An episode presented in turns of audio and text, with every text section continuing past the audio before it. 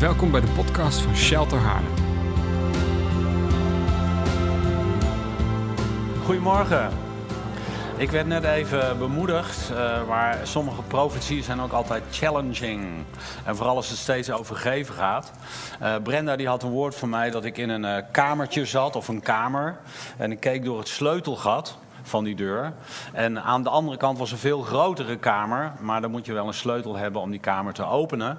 Nou, wat Brenda niet wist, dat ik vanmorgen wilde spreken over uh, de 40 sleutels die ik bedacht heb voor het Koninkrijk. Uh, dat heb ik opgeschreven in een boekje, dus uh, maak niet bezorgd. Ga ze niet alle 40 behandelen. Tim heeft er al een paar genoemd, die staan er ook in.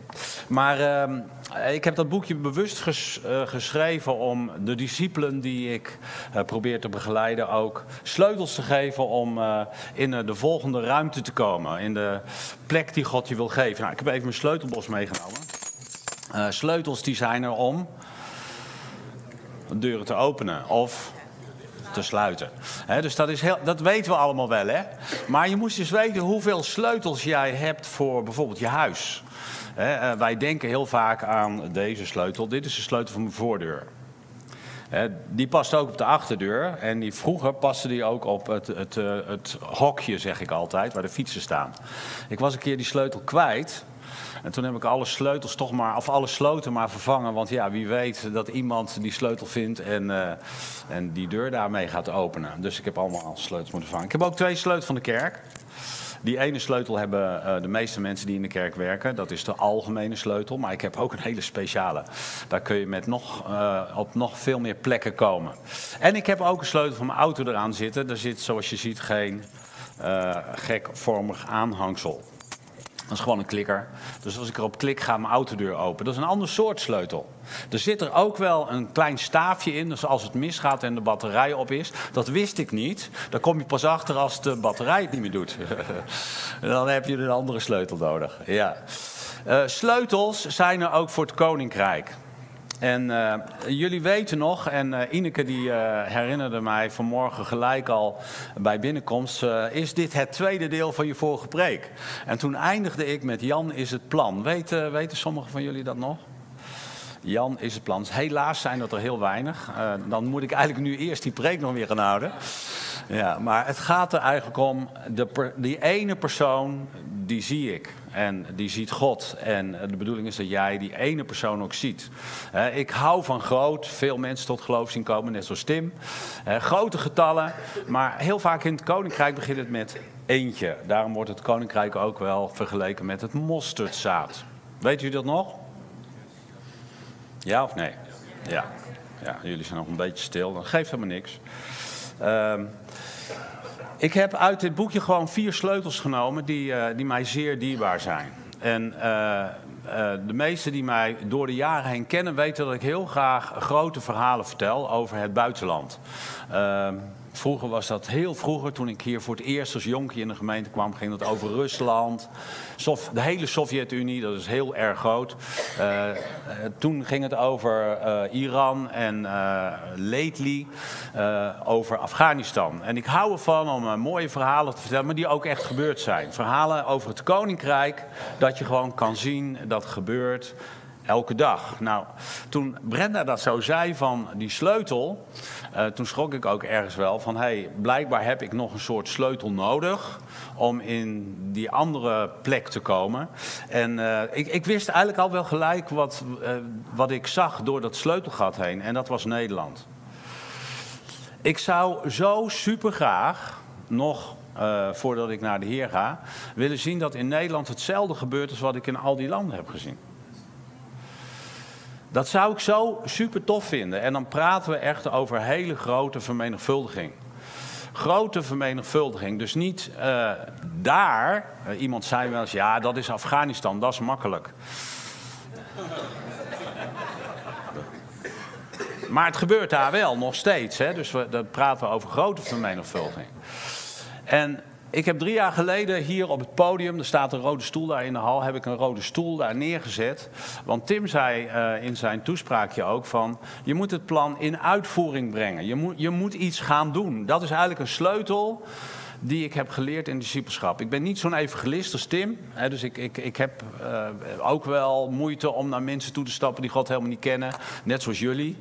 Uh, ik doe het ook wel als ik echt voel dat het moet. Maar dan moet God me wel een soort duw in de rug geven.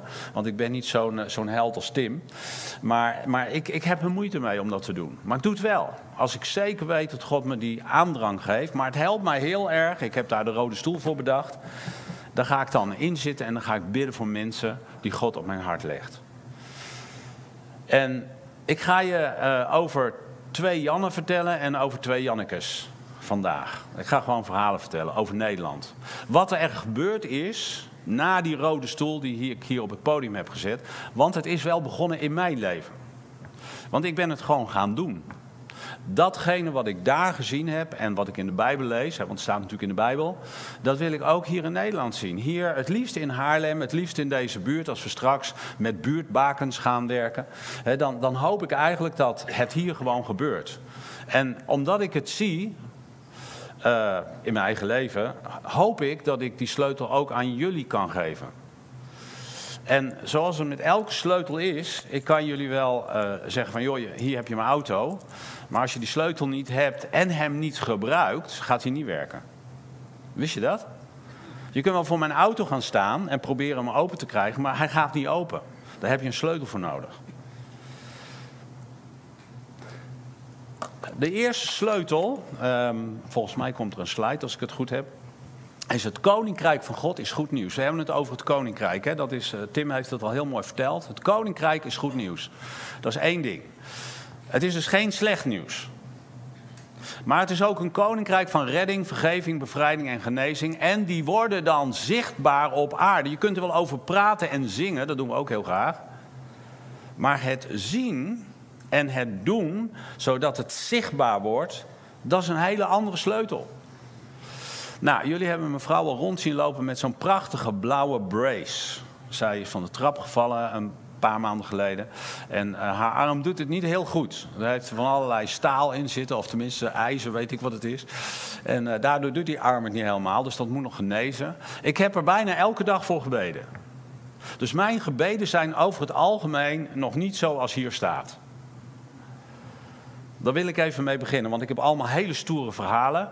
Maar ik heb ook net zoveel verhalen die niet lukken. Nou, het verschil tussen mij uh, en degene die helemaal niks ziet, is dat ik soms dingen wel zie, omdat ik ze blijf doen. Ik geloof dat ik in mijn leven vier of vijf keer voor iemand gebeden heeft die dood is, zodat hij weer op zou staan. En het is maar één keer gelukt. Dan kun je zeggen dat is vier keer niet gelukt.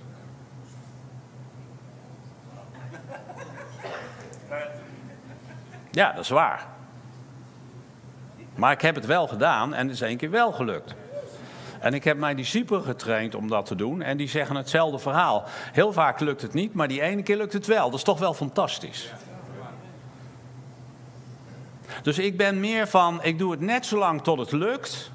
Als dat, oké, het is mislukt, dus ik doe het niet meer.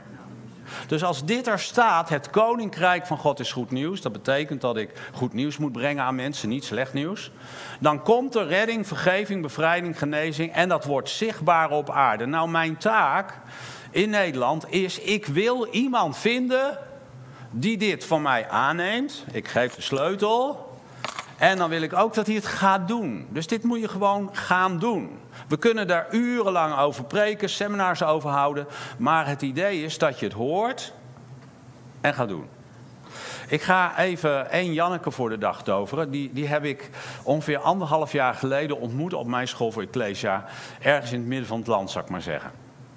Ik hou even de naam een beetje vaag. Uh, zij heet Jelly.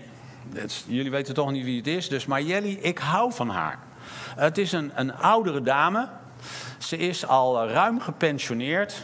Jullie lachen omdat ik de naam verklapt heb, je weet, er zijn heel veel Jellies in Nederland. Maar, maar Jelly was een fantastisch, uh, ja, hoe moet je dat zeggen, fantastische student. 25 jaar gewerkt in het leger des. Altijd bezig met knutselen en arbeidstherapie, bezigheidstherapie. Maar ze kwam niet, het kwam niet in haar hoofd om dit, deze sleutel aan iemand te geven. Helemaal, hè, de Heer gebruikte haar, zette haar in. Maar ze kwam niet op het idee om het goede nieuws aan iemand te vertellen. En deze persoon tot redding en vergeving te zien komen, of zelfs bevrijding of genezing. Want dat kon ze helemaal niet. Want Jelly was een gewone gelovige, net zo als de meeste van ons. We gaan elke dag naar ons werk, we zitten elke dag thuis aan tafel, we hebben contact met mensen, maar zullen wij nou tegen onze buurman of buurman vertellen dat het goede nieuws ook voor jou is? Ze was eigenlijk gestuurd door haar voorganger. Want Jelly was al wat ouder met pensioen en ze had niet zoveel meer te doen. Ze woonde alleen. En ze zei, joh, misschien is dat wel wat voor jou. Wat een motivatie, hè? En ze kwam binnen en ik viel gelijk op deze vrouw van... joh, dit is iets voor jou. Ik geloof echt dat jij dit kunt. Nee, zegt ze Piet. Ik zei, nou joh, pak dat boekje er nou bij en ga er eens voor bidden. Pak de rode stoel, zet hem ergens, pak een rood kleed, hang het, ga erop zitten en bid voor je. Maar nou zegt ze, ik weet het al. Ik heb een vriendin, die is wel christen en die weet alles al. Maar dat lijkt me nou iemand om te gaan discipelen. ik zeg, begin daar maar mee. Dus Jelly begon met die vriendin die alles al wist. Na de tweede les zei die vriendin: Ja, maar dat is allemaal nieuw voor mij. Dit, dit heb ik nog nooit gehoord. Dat het koninkrijk van God, want dat is de eerste les, de eerste sleutel, op aarde is gekomen. En dat dat goed nieuws is. En dat al die dingen gebeuren. En wat heb je ermee gedaan, zei ik.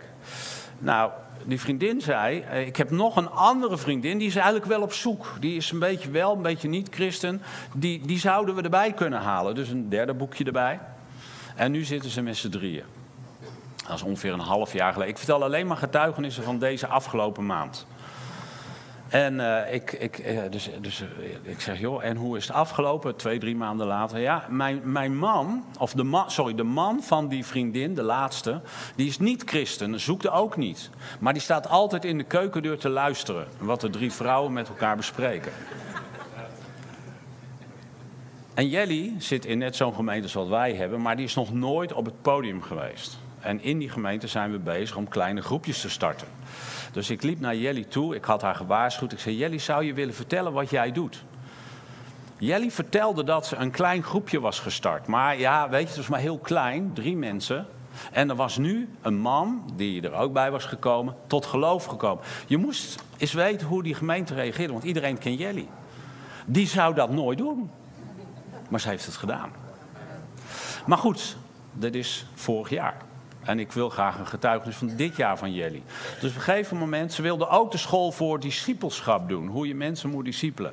En een van de dingen die we daar doen is, de, de sprekers, de onderwijzers, die, die geven les, maar ze, ze mogen niks doen. Dat moeten de studenten doen. Dus uh, er was iemand die gaf les over genezing. En uh, dus moesten studenten naar voren komen. Jelly was de eerste die opsprong, want die is nu hot. Die is helemaal enthousiast. En er kwam een vrouw naar voren, die had een whiplash, uh, helemaal vast. Dat was het woord van kennis wat er was gekomen. En Jelly legt haar hand, ik, zie, ik stond erbij, dus ik kon het zien. En deze vrouw wordt binnen één minuut genezen. Ik heb haar een week later gesproken in een andere kerk, want ze kwam niet uit die kerk. En ze zegt, Piet, ik weet niet waar ik ben. Ik ben, ik ben jarenlang ben ik gewoon ziek van de pijn in mijn nek en mijn hoofd. En het is gewoon weg. Dat is de eerste sleutel. Hebben jullie hem? Ik heb ook nog ergens bijbelteksten, geloof ik. Hè? Even kijken naar boven. Marcus, waar stond het ook weer? Marcus 1. Kunnen we die ook nog? Dan is het ook nog bijbels verantwoord. Ik zie hem niet komen. Nou, Marcus 1 zegt, waar Jezus is, daar is het koninkrijk. Het is nabijgekomen. Weten jullie die tekst een beetje uit je hoofd? Dat is dus waar jij bent, want, ik hoop het tenminste, iedereen die hier in de zaal zit, is Jezus ook in je hart gekomen. En dat is eigenlijk het hele principe van het koninkrijk. Het is niet ver weg, het is dichtbij gekomen. Het zit in jou. Waarom? Want Jezus die woont daar. Nou, dan ga ik even naar een andere Janneke. Dat is uh, ondertussen een dierbare vriendin van Ine en mij geworden. Een jong stel. Uh, wij, wij, kenden haar eigenlijk van een conferentie waar we bij elkaar op een maaltijd uh, wat over elkaar vertelden. En er waren vier jonge mensen on fire. Echt geweldig. En uh, dat was vijf, zes jaar geleden. En ze belden mij op een dag en zeiden: Piet, we zitten in een kerk, maar, maar wij willen echt leren wat discipelschap is. En ik weet dat jij daarover schrijft en dat je daarover praat. Wil je ons coachen? Nou, ik, ik heb best wel wat, uh, vooral nu ik met pensioen ben, dus dan wil je eigenlijk niet meer zoveel nieuwe dingen doen. Maar ik, bij deze dacht ik van, nou, dit, dit is wel een dingetje, dit wil ik wel op me nemen. Dus Ina en ik een paar keer daar naartoe. Ze wonen helemaal in Zeeland. Uh, dus het is elke keer een flink eind rijden, vooral als er file is. Maar wij zijn daar regelmatig naartoe gegaan. En wat me opviel was dat deze uh, jonge mensen, waren zes jonge mensen, die waren echt on fire. Je voelde gewoon, ja, dit, dat ken ik van Afghanistan. Uh, dat, dat, dat is heel anders dan mensen die naar je luisteren. Dit waren mensen die wilden niet luisteren, maar die wilden het gaan doen. En dit is ongeveer twee jaar geleden. Inmiddels is deze groep uh, 60 jonge mensen. En deze jonge mensen die, uh, die gaan naar het tweede principe wat ik je wil laten zien. God geeft ieder mens zijn identiteit. Dat is een sleutel die ik absoluut gewoon uh, ja, aanmoedig om mee bezig te zijn. Als mensen zoekend zijn, ga bezig met de identiteit van mensen. Want God geeft ieder mens zijn identiteit. Dat is belangrijk, dat we leren wie God is, want dat, daar zijn wij naar gemaakt. We zijn gemaakt naar zijn beeld. En hij zegent deze mensen, hij vervloekt ze niet. Deze mensen die in God zijn, in Jezus zijn, die hebben automatisch een soort systeem in zich gekregen en dat heet zegen. Dat leer ik mensen. Mensen zijn niet meer onder vloeken. Dat is het koninkrijk. Zodra Jezus in je leven komt, dan worden die vloeken allemaal afgebroken. En soms moet je er nog wel even mee aan de slag als je wat langer christen bent. En dat gaat dus ook met deze, deze vrouw. Zij was volledig in de groep actief en zo, maar ik zag, er klopt gewoon iets niet. Want ik zag dat zij haar autoriteit helemaal niet gebruikte. En dat ze ook haar verantwoordelijkheid niet gebruikte. En dat ze ook eigenlijk niet kon kiezen. Dat staat er, hè? Je hebt een keuzevrijheid gekregen. Daar hebben we het net over gehad. Je kunt er zelf voor kiezen. Ik denk dat dat het woord is voor vandaag. Je kunt macht goed gebruiken, maar ook slecht gebruiken. Dat ligt in jouw hand. Macht op zichzelf is niet verkeerd of goed. En deze vrouw die, die zat uh, vorig jaar, inmiddels zijn we een jaar verder, op de school. En ik sprak over de favoriete les van Walfried, Nieuw Verbond. En ik sprak vooral over de boom van de kennis van goed en kwaad. En zij werd zo boos op mij. Ze, werd heel ze, ze vloog me bijna naar de keel. Ik had maar drie studenten in de klas, gelukkig. Maar ze werd echt boos. Haar hoofd werd rood. Ik denk, wat is hier aan de hand? En ze zegt, je liegt. Ik zeg, ik lieg. Ik, ik, jij eet van de verkeerde boom volgens mij. Je eet van het oordeel. Je moet van die andere bomen eten. De boom van het leven, het nieuwe verbond. Jezus heeft het gedaan voor jou. En ze zegt, Piet, tien keer per dag vraag ik vergeving omdat ik zo slecht ben. Ik heb geleerd. En ik ga even geen namen noemen, want ze komt uit Pinksterkringen en evangelische kringen van hele bekende profeten. Die verteld hebben: je moet dit doen, je moet dat doen, je moet dit niet doen, je moet zo doen. En ik zeg maar, dat staat volgens mij helemaal niet in de Bijbel zoals jij het uitlegt. Er staat in de Bijbel dat je moet eten van de boom van het leven. Volgens mij is het wandelen met de Heilige Geest is gewoon openstaan. Wat laat de geest je zien? Wat voel je? Wat denk je dat je moet doen? Daar zit geen oordeel op je als je een keer niet, en toen kwam het, je stille tijd per dag doet. Nou, ze vloog me nog een keer bijna aan. Want als ik het niet doe, dan voel ik me de hele dag slecht. Ik zeg, nou, gelukkig ben ik daar al van verlost. Ik hou van stille tijd doen, maar niet omdat het moet. Dat is hetzelfde als dat ik met Ina omga. Stel je voor dat ik dat moet doen. Ik vind het hartstikke leuk om bij haar te zijn. Wij hebben, ergens is die arm die gebroken is ook wel weer prettig, want nu ben ik veel meer thuis. En dat is gezellig. Ik mag de was doen, ik mag schoonmaken, eten, koken. En ik vind het echt leuk hoor, dat is echt waar. Ik, heb, ik had nog nooit gestreken zelfs, maar het lukt mij. Alleen nu, nu zie je dat Ina weer wat actiever wordt. Ze is weer echt thuis. En nu, ja, als ik schoonmaak moet ik het met het blauwe lapje doen en niet met het witte. Maar eigenlijk is dat wel hartstikke leuk. Dus dat hele moeten in het koninkrijk, mensen. Als je hier de deur uit gaat, laat het moeten hier. Doe het weg. Gooi het aan het kruis. Ik ben, ik ben hier boos over, want deze vrouw noemde namen waar ik wel eens onder gehoor heb gezeten, wat verder weg. En, en ik, denk, ik had hetzelfde gevoel. Ik denk, oh, ik ga de kerk uit en ik voel me weer zo slecht. voel me zo shit. Ik heb, ik heb toch niet helemaal heilig geleefd. Maar doordat dat, die, die les, waar Walfried zo vaak over gesproken heeft. Het nieuwe verbond is al in ons. We zijn bevrijd. We leven in vrijheid, mensen. Deze vrouw heeft vorige week in Zeeland onze nieuwe studenten, er waren ondertussen 15 studenten, lesgegeven over identiteit. Zij vertelde dat zij vanaf klein kind door de ouders geterroriseerd is. Op school is ze elke dag 10 tot 20 tot 30 keer gepest. Zij zei: Het was zo erg, als ik nu het glas zou oppakken, zou ik al bang zijn wat iemand ervan zou zeggen. Zo was ze getraumatiseerd door haar, pest, door haar pestverleden. Ik zeg maar, wat is er nou veranderd? Ze zegt: Ik denk niet meer na of iemand mijn oordeel, want ik ben vrij. Dat is de tweede sleutel. Weten wie je bent. Weet je, een discipel die weet wie die is, ja, die leeft in vrijheid. Die leeft niet meer zo, ik moet iets doen, ik mag het doen. ik, ik vind het heerlijk om een bijbeltje te lezen, maar vroeger moest ik dat doen. Ik weet nog één keer, er was een spreker uit het buitenland, die kwam de kamer bij mij binnen en had gelijk. Hij zei, je leest de Bijbel niet. Dat was de waarheid. Maar ik vergeet die dag nooit. Ik ben het gaan doen, omdat het moest. Totdat ik bevrijd werd. En toen deed ik het omdat ik het fijn vind. Ja, ik, dat verhaal kennen jullie van mij. Hè? Op een gegeven moment, ik weet nog, mijn moeder, die, eh, die vond dat ik mezelf nooit goed waste en uh, mijn haar zat altijd verkeerd. Dit verhaal heb ik vaak verteld, dus dat kennen jullie ongetwijfeld. 16 jaar. En ik zat nooit langer dan twee seconden op de douche. Voor de spiegel en weer eruit. En mijn moeder was nooit tevreden. Totdat ik verliefd werd. Toen stond ik er wel een half uur. Nog steeds eigenlijk. Maar ja, nu moet ik het soms. Als je verliefd bent, als je in love bent met Jezus, met de Heilige Geest, met de Vader. Weet je, dan, dan, dan zit er iets in je wat, je wat je gewoon wil doen. Dat vind je heerlijk dan kost het je eigenlijk wel moeite en, en soms ook inspanning. Maar je doet het omdat je van die ander houdt. Dat is mijn koninkrijk. Ik hou zo verschrikkelijk veel van de Vader. Ik hou zoveel van Jezus en de Heilige Geest.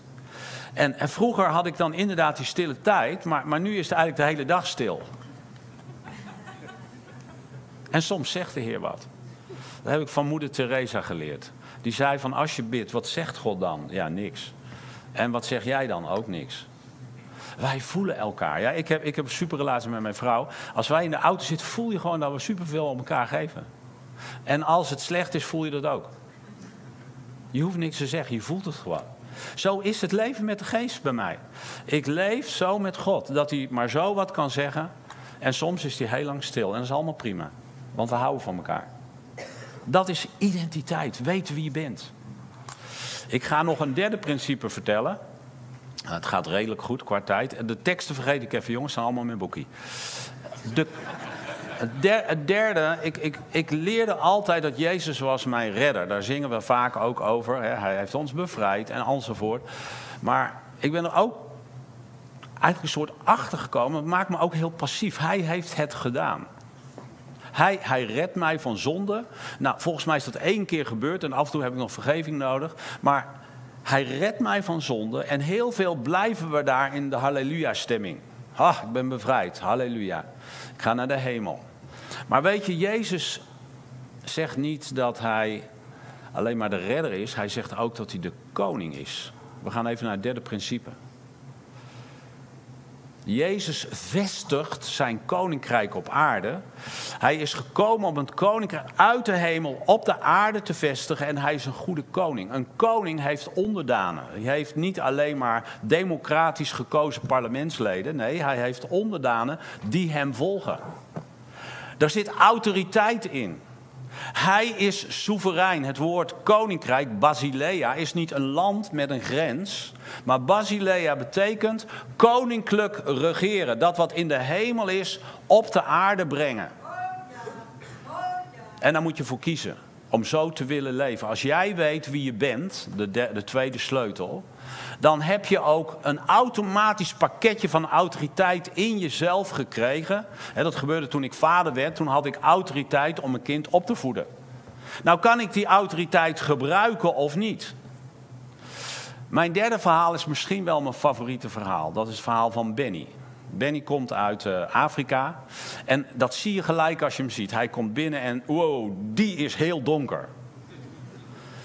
Het is een beetje een teddybeer. Hij is fors, groot, maar hij is wel een teddybeer. Je wil hem graag een knuffel geven. Toen hij binnenkwam, was het een hele grote puinhoop in zijn leven. Hij had twee kinderen verwekt bij twee verschillende vrouwen, niet getrouwd, geen opleiding, geen baan. Toen dacht ik, dit is niet mijn allersuccesvolste student waarschijnlijk. Denk ik. En gelukkig heeft God hem op het oog en ziet hij iets wat ik nog niet zag. En dat is de kunst dat jij ogen krijgt. Ik weet niet meer uh, hoe jij dat gezegd hebt. Ik heb de preek helaas niet gehoord, Walfried, over dat God je ziet.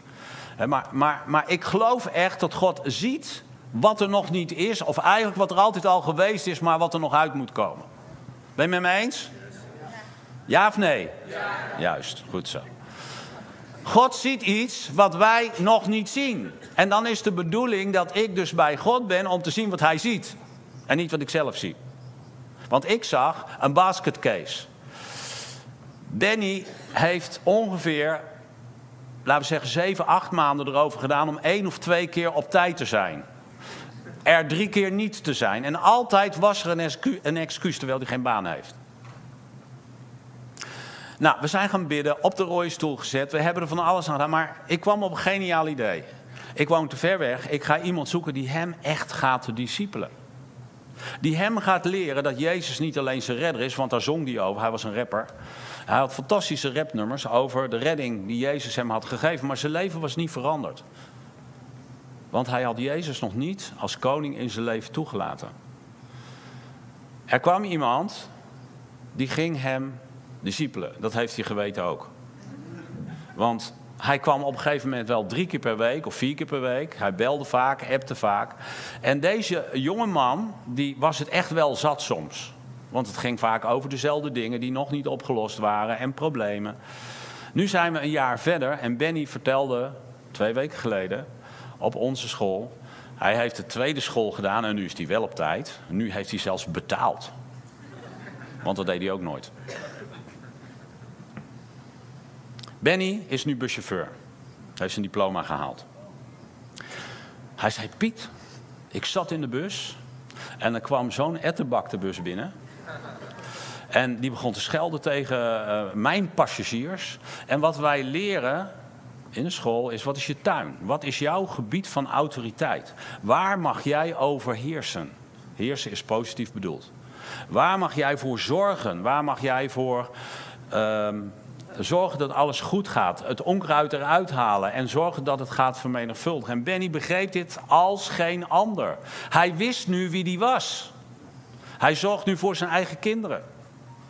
Hij zorgt zelfs voor een van de vrouwen die heel arm is en ellendig. Hij, hij pakt alles in zijn leven op. Hij ziet dat het koninkrijk van God dus niet zit in een lesje op mijn school, maar het koninkrijk zit in hem en hij moet iets doen. Hij moet de sleutel letterlijk gaan gebruiken. Nou, Piet, hij zegt, ik zat in die bus en die, die meneer die heel lelijke woorden sprak en mijn passagiers terroriseerde. En ik zat helemaal zo, want ik voelde dat Jezus tegen me zei, doe er wat aan. Doe er wat aan. Ja, maar wie ben ik? Je bent een zoon van de koning, hebben we hem geleerd. Je bent een erfgenaam. Hij zei, Piet, ik parkeerde de bus aan de kant van de, van de provinciale weg. Ik stond op, ik ging rechts staan, ik ging naar hem toe en hij zei, meneer, dit is mijn bus. Dit zijn mijn gasten. Je kunt gaan zitten en je houdt je mond of je gaat eruit. En hij zei, ik was zo bang, ik draaide om en ik ging weer achter het stuur zitten. En hij hield zijn mond. Maar niet alleen hij. De hele bus was stil. Niemand sprak meer. Omdat één discipel geloofde dat Jezus zijn koning was. Dat is wat anders dan een redder. We gaan even naar het vierde principe. Oh, I love this one. Ha. Satan is verslagen. Niet toen aan het kruis, maar ook nu vandaag. Nog even een verhaal van Janneke. Hij is, Jezus is naar de aarde gekomen om Satan te verslaan. En ook jij kunt vrijkomen van de macht van Satan en Jezus te volgen. Uh, Cindy zat uh, uh, op onze school hier in Haarlem, in Ecclesia, komt uit Arnhem. Dit verhaal vertelt ze in mijn boek, dus het staat er gewoon. Dus je kunt het gewoon lezen. Maar ik ben heel trots op Cindy. Cindy heeft een verschrikkelijk verleden. Uh, ook uh, qua huwelijk en uh, scheiden en kinderen. Het is helemaal in de war. Ouders, allemaal ellende. Maar Cindy, die vond Jezus. Ze maakte hem koning van haar leven. En we hadden hier ergens in, in, in, die, in die ruimte, ongeveer, denk ik, anderhalf jaar geleden, een rode stoel staan. En daar ging ze op zitten. Ik denk dat uh, volgens mij was uh, Genaya er nog bij zelfs. En Juliette ook, ja, die zat er ook bij. En, en zij kwam erachter dat, dat ze had een probleem met haar moeder. En we hadden het idee dat God als een moeder aan haar wilde verschijnen. En dat, dat was een heel heilig moment. En dat gebeurde ook. En ze begon verschrikkelijk te huilen. En, en ze kwam er eigenlijk achter dat het een soort generatievloek was. En zij was een soort gebonden door haat en boosheid. Ze was wel christen en ze leefde ook al wel als christen. Maar iets was nog niet klaar. De kettingen waren nog niet verbroken. Dus het koninkrijk was er al wel, maar nog niet helemaal zoals sleutels gebruikt moeten worden. Ik zeg altijd maar, de, de voordeur was open, maar er waren nog kamers op slot. En die gingen open. We hebben met elkaar die vloek zien verbreken. En uh, op een gegeven moment haar moeder kwam tot geloof, haar vader kwam tot geloof, haar zoon uh, staat weer helemaal open voor het geloof. En ze is toen, na een jaar ongeveer, begonnen met haar eerste ecclesia. Vier vrouwen, er zijn er nog twee van over. Twee zijn weggelopen. Maar inmiddels, afgelopen maand, is er weer een nieuwe begonnen, nu met zeven vrouwen. En wat gebeurt er? Zij snapt heel erg goed wat een vloek is. Want ze, ze heeft gezien dat die vloek verbroken is in haar leven. Wat doet zij? Wat ik geleerd heb, geef ik gratis en voor niks aan een ander. Dus een van die vrouwen heeft eigenlijk een soort gelijk verhaal. En zij gaat dat aan haar vertellen. De eerste meeting. Weet je nog, het eerste principe? Iemand die nog niet het koninkrijk binnengekomen is, hoort goed nieuws. Genezing, bevrijding zullen komen. En deze vrouw komt de allereerste keer. En zij krijgt, Cindy krijgt een woord daarover. Ze vertelt haar verhaal en zegt: Joh, Jezus is hier om de vloek over jouw leven te verbreken. Om Satan in je leven te verslaan. Laten we niet wachten, laten we maar gelijk doen. En ze zijn gaan bidden. En wat gebeurt er? Deze vrouw begint gewoon te huilen. Ze, ze voelt gewoon dat ze helemaal van binnenuit gewoon door de liefde van God wordt aangeraakt.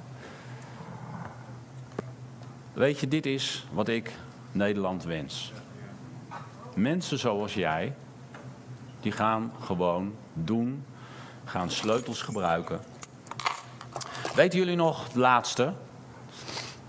Weten jullie nog dat ik hier die tafel heb neergezet? Wout zat aan de tafel met zijn vrouw Annette uit Barendrecht. Staat ook in mijn boek, dus kan ik ook gewoon vertellen. En Wout had een openbaring. En dit, en dit is denk ik de sleutel die ik heel graag aan jullie wil geven. Het gaat over geven.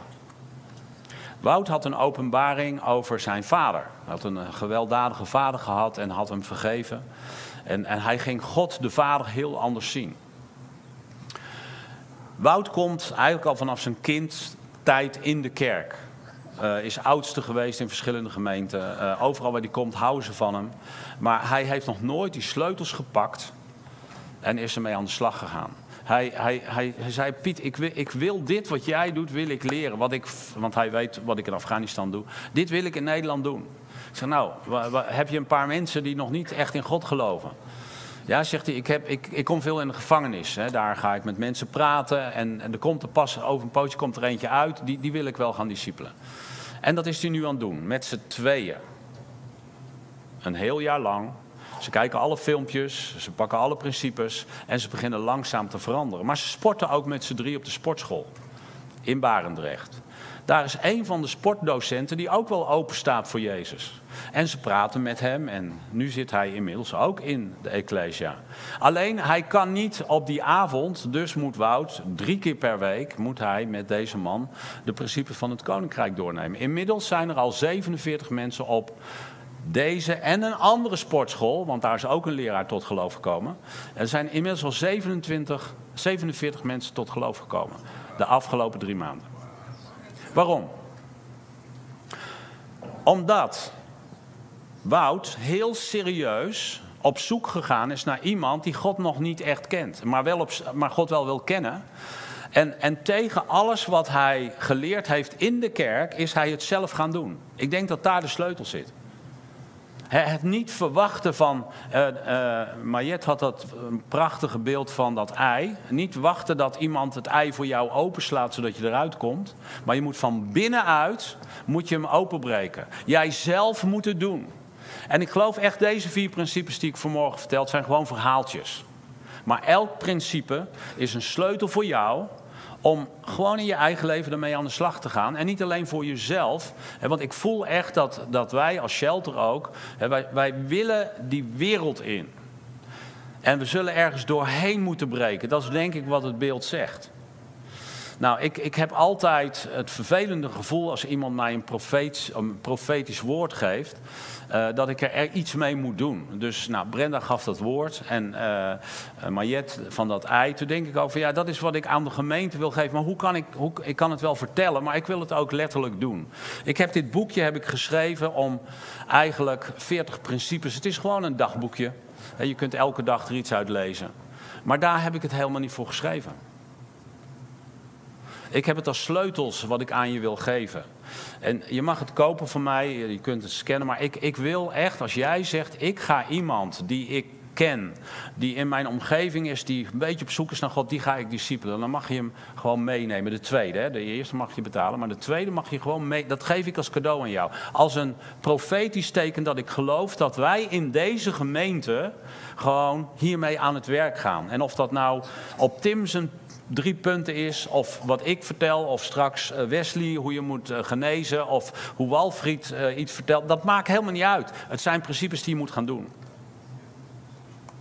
Dus als je zegt, ik ga iemand discipelen. En, en voor mij hoef je dat niet volgende week te doen, want hij kan nog op je pad komen. Maar het gaat erom dat je verwacht dat er iemand op je pad komt. Nou, misschien ben je wel net zo oud als Jelly. En dan zeg je, goh, ik ben oud, ik hoef het niet meer te doen. Weet je hoe vrolijk Jelly is? Ik zie haar alleen maar lachen. Want zij doet iets wat ze altijd al had willen doen.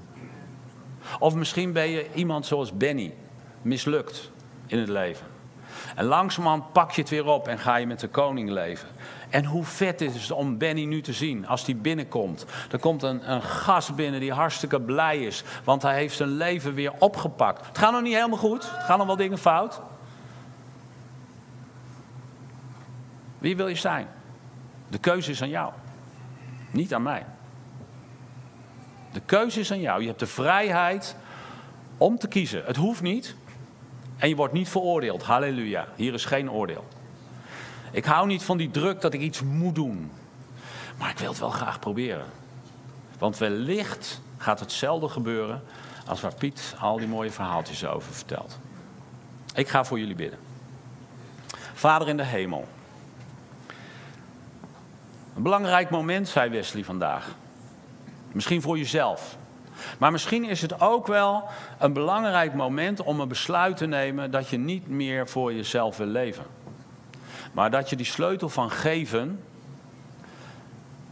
pakt en dat je daar ook iets mee gaat doen. Dat je ervoor gaat kiezen, omdat wat jij ontvangen hebt. Ik heb even uitgerekend, ik zat 40 jaar lang in een kerk, kerken. En ik was ongeveer twee keer per jaar niet in de kerk. Ik ben nog steeds aan het bidden. Dat is 40 keer 50. Dus 2000 keer heb ik in een kerk naar een preek geluisterd. En ik vroeg mezelf af, wat heb ik ermee gedaan? En ik weet nog precies welke preken mij geraakt hebben. Waarom? Ik ben er iets mee gaan doen. En dat is wat ik voor je bid. Ik bid dat je gewoon eens even de tijd langsloopt. Wanneer heeft God tot mij gesproken? En ik bid dat God dat nu in herinnering brengt. Zodat je dat kunt gaan doen en toepassen als je dat nog niet gedaan hebt.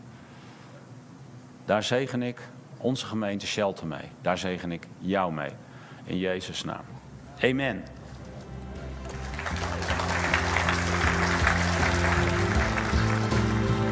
Dank voor het luisteren naar onze wekelijkse podcast. De missie van Shelter is Gods Koninkrijk zichtbaar maken in onze wereld. Wil je onze gemeente financieel ondersteunen in deze missie? Ga dan naar www.shelter-haarlem.nl geven.